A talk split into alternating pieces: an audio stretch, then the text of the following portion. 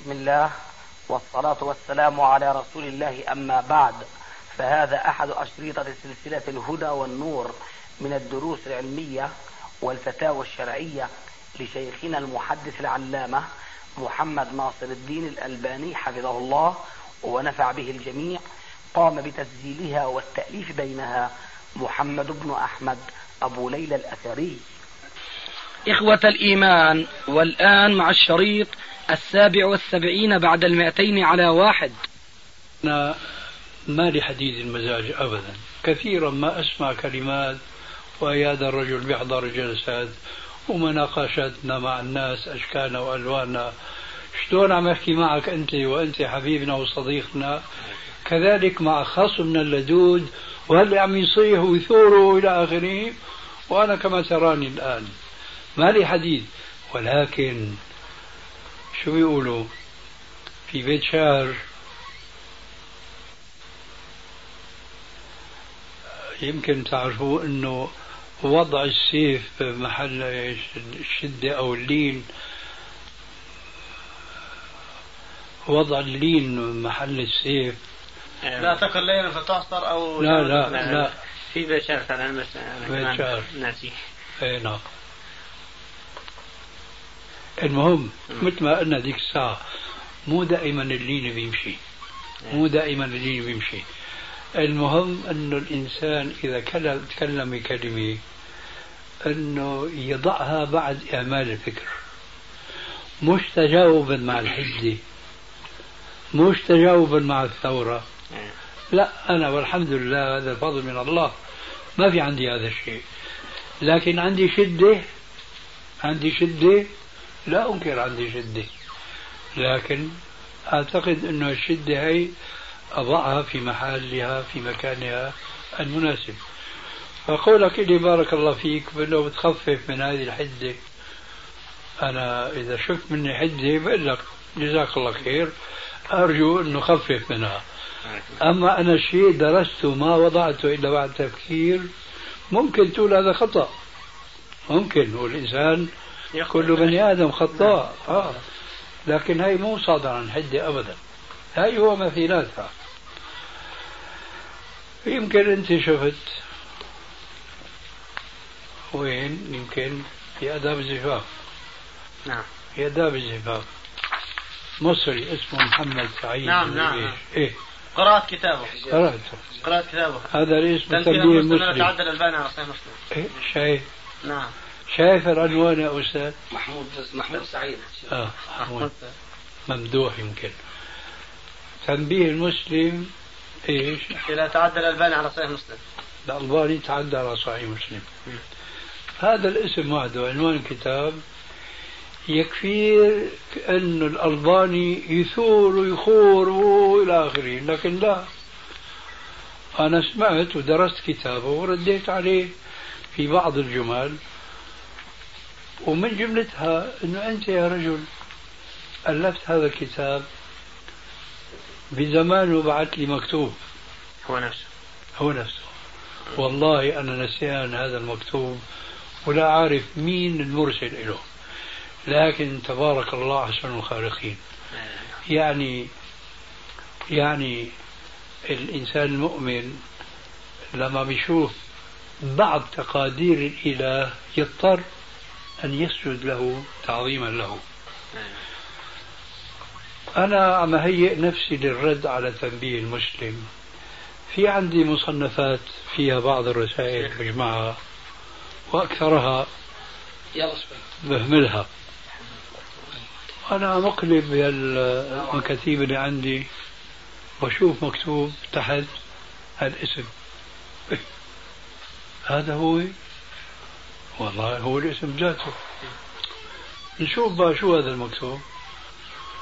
وإيش بيقول بعد الافتتاحية وإجلال واحترام وإلى آخره. وأنا آه، حضرت لك آه، عدة اجتماعات كنت تعقدها في القاهرة في أنصار السنة المحمدية وإلى آخره.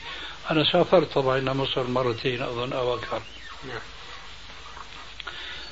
وأنا استفدت من كتبك وتأثرت بها فاستلمت طريق السنة ودراستها وإلى آخره حتى اتهمت بك فقيل لي إنك وهابي. هو هيك بيقول الكلام هذا. وإذا به هذا الإنسان يقلب لنا بار المجن وبيبعث الكتاب يطبعه تعدي الألباني على صحيح مسلم. وجيت أنا رديت عليه. بسميه إيش؟ الجائر ما أدري إيش. الباغض البغيض الجائر الظالم كذا إلى آخره. فعلا باغض باغض البغيض وحاقد جليد آه. أي نعم. ليش؟ مبين. رجل عم تعترف بمكتوبك القديم بأنه أنت سبب تلقيك للعلم ودراستك للسنة هو الألباني. نعم. شلون هلأ عم تستعجل وتيجي تحطه أنه تعدى على صحيح مسلم. عرفت أنا أن هذا الرجل دهى بعقله بعض العلماء الحاقدين مثل الغماري. نعم. عبد الله هذا وغيره. وسبحان الله أنا أخذ علي بعض أشياء. فعلا أنا انتقدت بعض أحاديث في صحيح مسلم. ولست أول واحد لكن شيوخه الغماريين أنكروا أحاديث صحيحة ما أحد سبقهم إلى الطعن فيها إطلاقا. يا سلام. هذيك سكتوا عنها هو سكت عنها. مثلا أحاديث كثيرة منها قول السيدة عائشة رضي الله عنها فرضت الصلاة ركعتين ركعتين فأقرت في السفر وزيدت في الحضر قالوا هذا حديث ولو روى البخاري ومسلم فهو حديث شاذ غير صحيح. ذكرت أنا النماذج هذا الغمارين قال آه. نعم. ذكرت عندنا النماذج قلت له أنت إذا كنت مخلص في الرد علي هلا رددت على هؤلاء؟ هلا ذكرتهم؟ صفيتم معي. وإني أولى بالرد منك عليهم لأنه أنا تأخذ علي مثلا في عندي أحاديث رواها أبو الزبير عن جابر. فأنا بقول تبعا للذهبي والعسقلاني وإلى آخره أنه أبو الزبير مدلس. فالأحاديث اللي بيرويها عن جابر إذا قال فيها حدثني جابر هي ماشية. وإذا قال عن جابر فكما يقول الذهبي في القلب منها شيء. لكن وين مشايخك هذول اللي أنكروا أحاديث؟ ما حدا أنكرها. لا نصا ولا بعبارة صريحة. وعليكم السلام. التعدي عجيب جدا يعني في العالم اليوم كأنه هناك خطة موضوعة لمهاجمة الألباني هذا. وهذا إيه؟ أنا يشرفني لأنه بيكفر عن ذنوبي ومعاصيه كما قلنا آنفا. والخلاصة أني أرجو الله عز وجل أنه يسدد خطانا ويكون يعني مقصدنا أولا وآخرا خدمة السنة وبالأسلوب الذي يرضي الله تبارك وتعالى. الله. يجزيك خير ويبارك فيك. عندكم شيء آخر؟ آه بالنسبة للكتاب تنبيه المسلم أنا قرأته يعني كامل وقلت بدي أشوف بدي أخذها فائدة يعني أشوف شو الأحاديث اللي ضعفها الشيخ. بحيث نقول على صحيح مسلم من عنده النسخة الأصلية. فوجدت أنه يعني داخل ثمان أحاديث وطبعا رجعت الكتب يعني كتبكم مع تخاريجها سجلت عندي. السلام عليكم. وعليكم السلام ورحمة الله وبركاته. وفي ذاك كم رواية شاذة هيك. فبس هو يعني أنا من ناحية آه، بعض كلامه عن الرجال. مش مقنع هذاك القناعة التامة. فبس يعني أخذنا من الأحاديث ووضعناها غاد. يعطيك العافية. العافية. شيخنا بخصوص الصابوني وكلمة الأخ الفاضل يعني لو تكون تراسلوا إنه ما تظهروا هذا الشيء في الكتب أمام الناس. كان ذكر لنا شخصيا الشيخ محمد الدين قبل ما يرد عليه في التنبيهات إني أنا التقيت مع الشيخ الصابوني في الحرم المكي أمام الكعبة. وكنت قلت له قبل ما اودي يعني للطبع أو لكذا أنا في لي بعض الملاحظات على التفسير وعلى كذا. قال له ما في داعي يعني للمناقشة في هذا الموضوع. قال بدنا اطبعه قال له اطبعه بهذه الطريقة. هذا الكلام. أي نعم. كلام الشيخ محمد. هذول الجماعة نحن نعرفهم من قديم. شو بيقول؟ الشاعر أسد علي وفي الحروب نعامة وكل ديك في مزبلته صياح. نحن عرفناهم في الشام وغير الشام.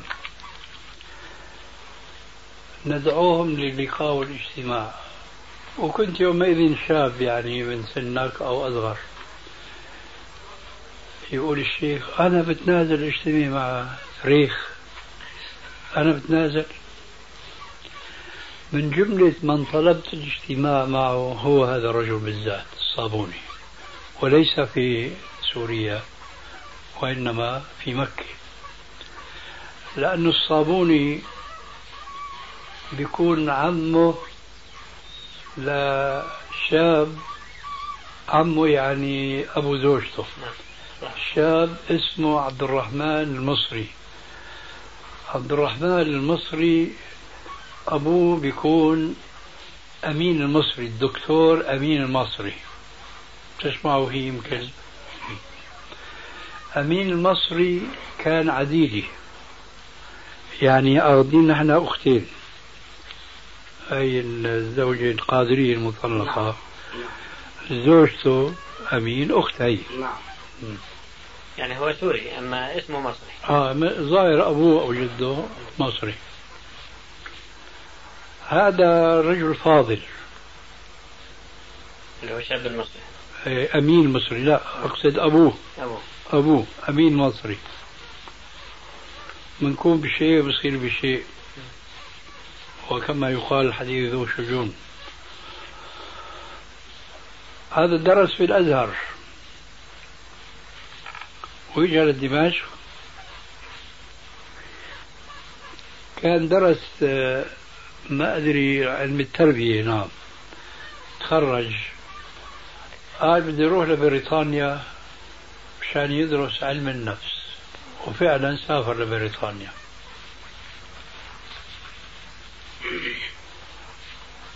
عاش شهور هناك قام تغير. منهجه في الدراسة رأسا على عقب راح ليدرس علم النفس وإذا به بده يدرس علم الحديث.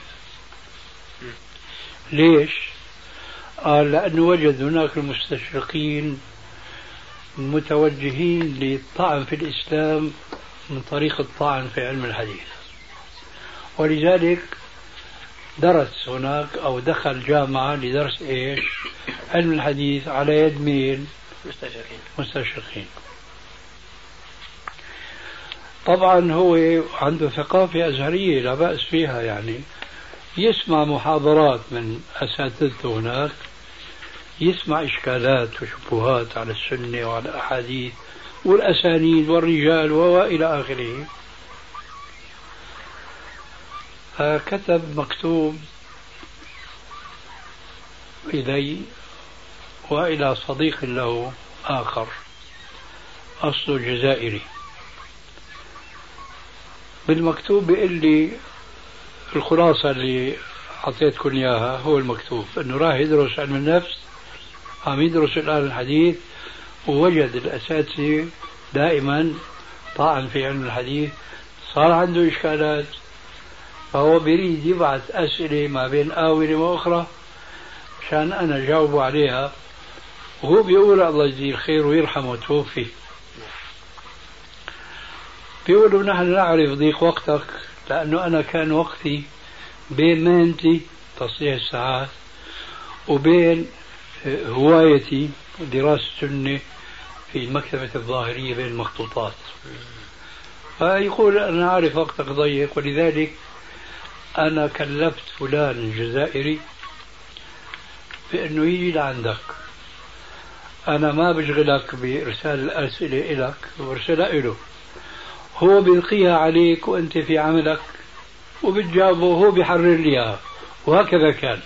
أبو حامد يا شيخنا؟ لا هذاك حمدي الجزائري الثاني أنت. لا. ما هو. من هالبلد هذه؟ نعم. الشاهد.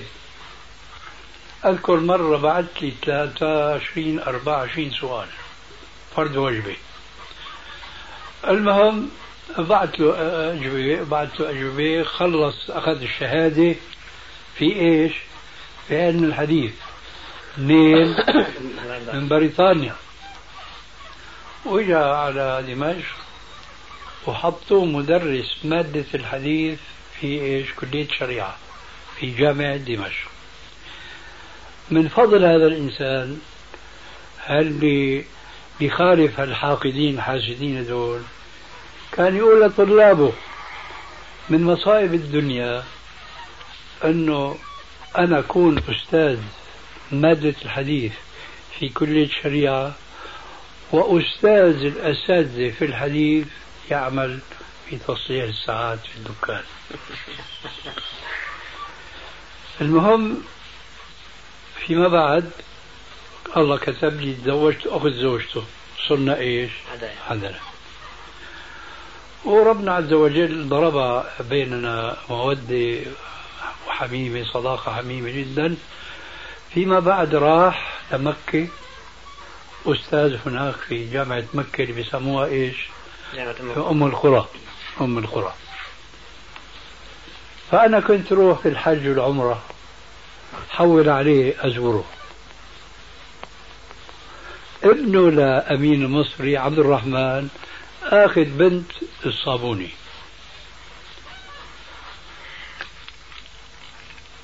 الصابوني بيعرف رأيي في مسألة وجه المرأة. أنه أنا بقول ليس عورة لكن أفضل ستره هن متعصبين للتقاليد مش بعلم. أنه لا وجه المرأة عورة وحرام كشفه.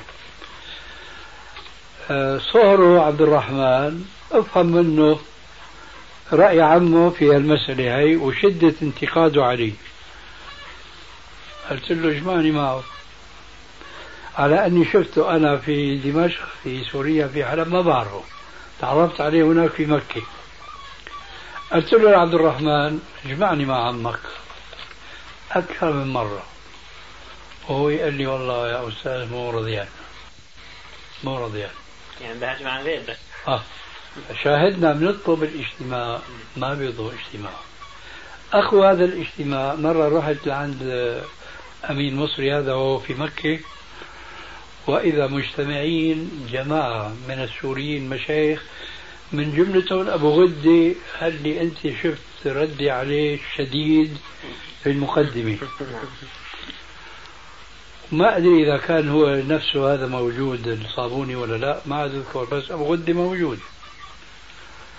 أنا لما دخلت قال لي هو الجماعة موجودين عندي شو رأيك تجتمع معهم؟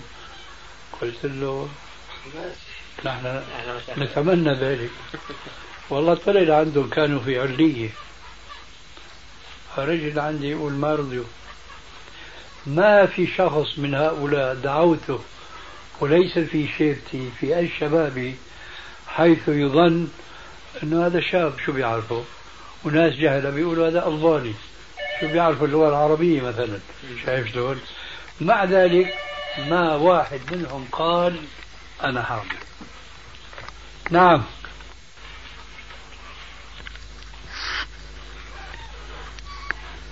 إيه لا إله إلا الله. هذا أمين مصري الله يرحمه شو الله قدر تقادير عجيبة. راح لسويسرا مشان يطبق معه مرض شو بيسموه هذا؟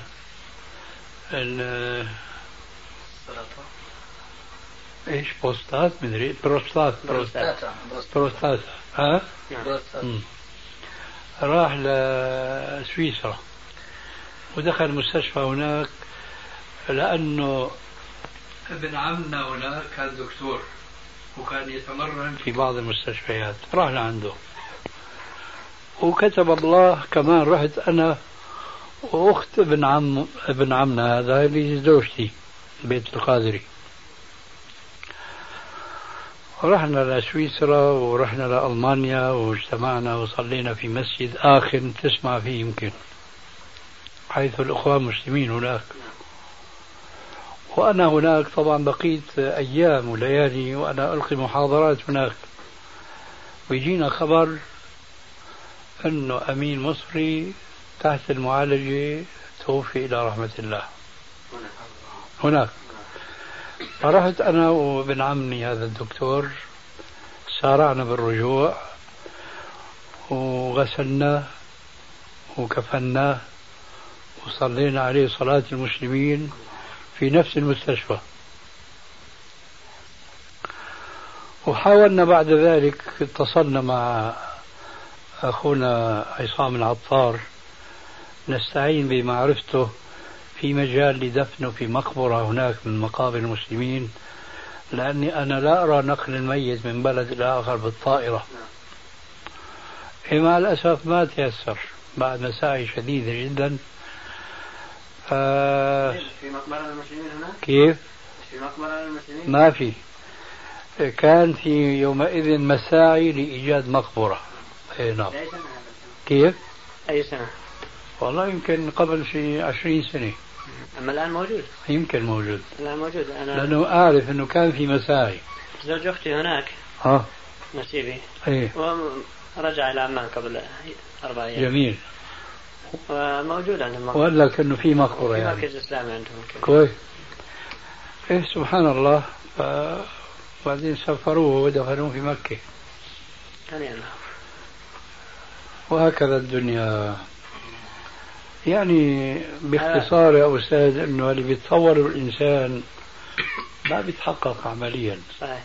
نرجع لحديثك اللي تفضلت فيه قبل قليل تقول إنه اللي بينه وبينهم خصومات يعني دائما بطلب المقابلة وهم اللي بيرفضوا.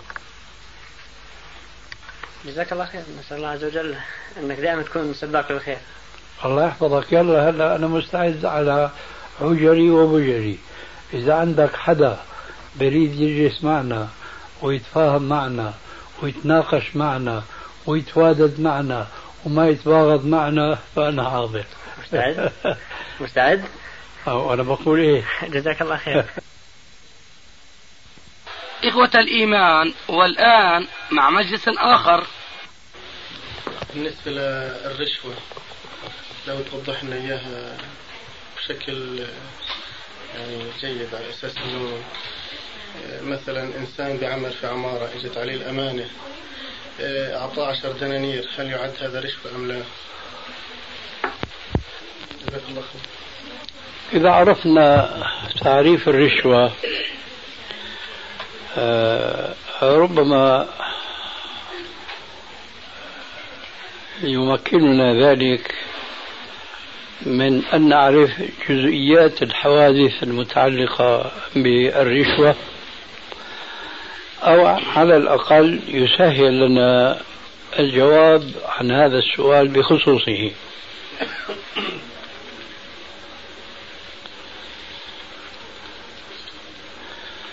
الرشوة هو دفع مال لإحقاق باطل أو إبطال حق.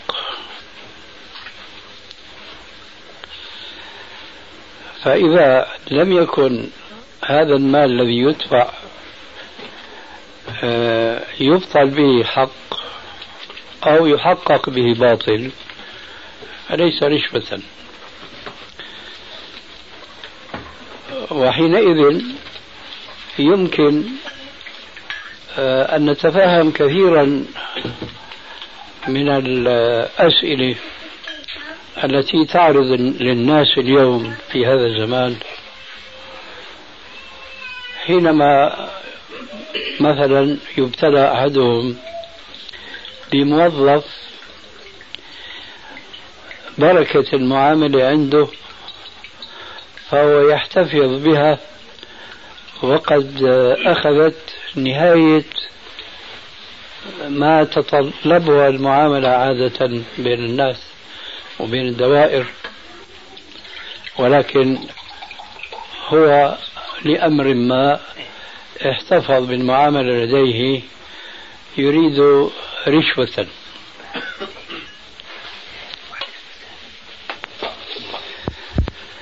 فكلما راجعه صاحب المعاملة يماطله. وأخيرا تبين له أنه يريد طعما. فأطعمه فناوله المعاملة. فهذا المال الذي دفعه لهذا الموظف هل هو رشوة؟ فلنطبق القاعدة السابقة. الرشوة كل ما يعطى لإبطال حق أو لإحقاق باطل. هنا لا يش... لا يظهر هذا الشرط أبدا. بل هذا المال دفع للوصول إلى حقه المهضوم. وعلى ذلك فقس. نجب على صورة سؤالك أنت. هل هذا السؤال أو هذه الصورة التي عرضتها في سؤالك آه، هي من هذا القبيل أو من قبيل آخر الآن الأمر يحتاج إلى شيء من التفصيل. الأماني بلا شك وضعت نظاما للأبنية. والمفروض أن هذا النظام هو لصالح الشعب. وعلى ذلك فيجب على كل فرد من أفراد الشعب أن يلتزم هذا النظام الذي فرض عليه في ذلك البنيان. فإذا عن في باله أن ينفذ رأيا خاصا له في بنيانه وهو يعلم أنه في ذلك مخالف لنظام بلده فيعطي مالا للموظف في الأمان والمكلف بالإشراف على الأبنية وتنفيذ القوانين المرعية إلى آخره فلكي يغض النظر عنه يعطيه مالا. هذا هنا يعتبر رشوة. وبعكس ما إذا كان مثله كمثل الأول يعني هو يريد أن يحول بينه وبين تنفيذ نفس المخطط في جانب من جوانبه والذي اعترفت به الأمانة لكن يريد أن يعجزه بالمنع مرة وثاني مرة وثالث مرة حتى إيش؟ يصرف عنه بالمال. هذا المال يكون كالصورة السابقة يكون رشوة بالنسبة للقابض ولا يكون رشوة بالنسبة للعاطي واضح؟ إذا هذه القاعدة هي التي يجب أن نعرفها أولا ثم يجب ثانيا أن نكون متجردين جدا عن اتباع الهوى فنقول مثلا إيه هذا النظام مش معقول ما يكفي أن الفرد من أفراد الناس أولا وصاحب العلاقة والهوى ثانيا أنه يحكم عقله مهما كان معتدا هو به على النظام الوضع المفروض من أشخاص عارفين متخصصين من جهة وثانيا مفروض أنهم قصدوا بذلك مصلحة الشعب وإلا راح يصير يعني فوضى في طريقة البناء نشاهده في الأبنية القديمة بتشوف الزقاق شي فايت شي طالع وهكذا. آه هذا جواب سؤالك. ولعل واضح إن شاء الله.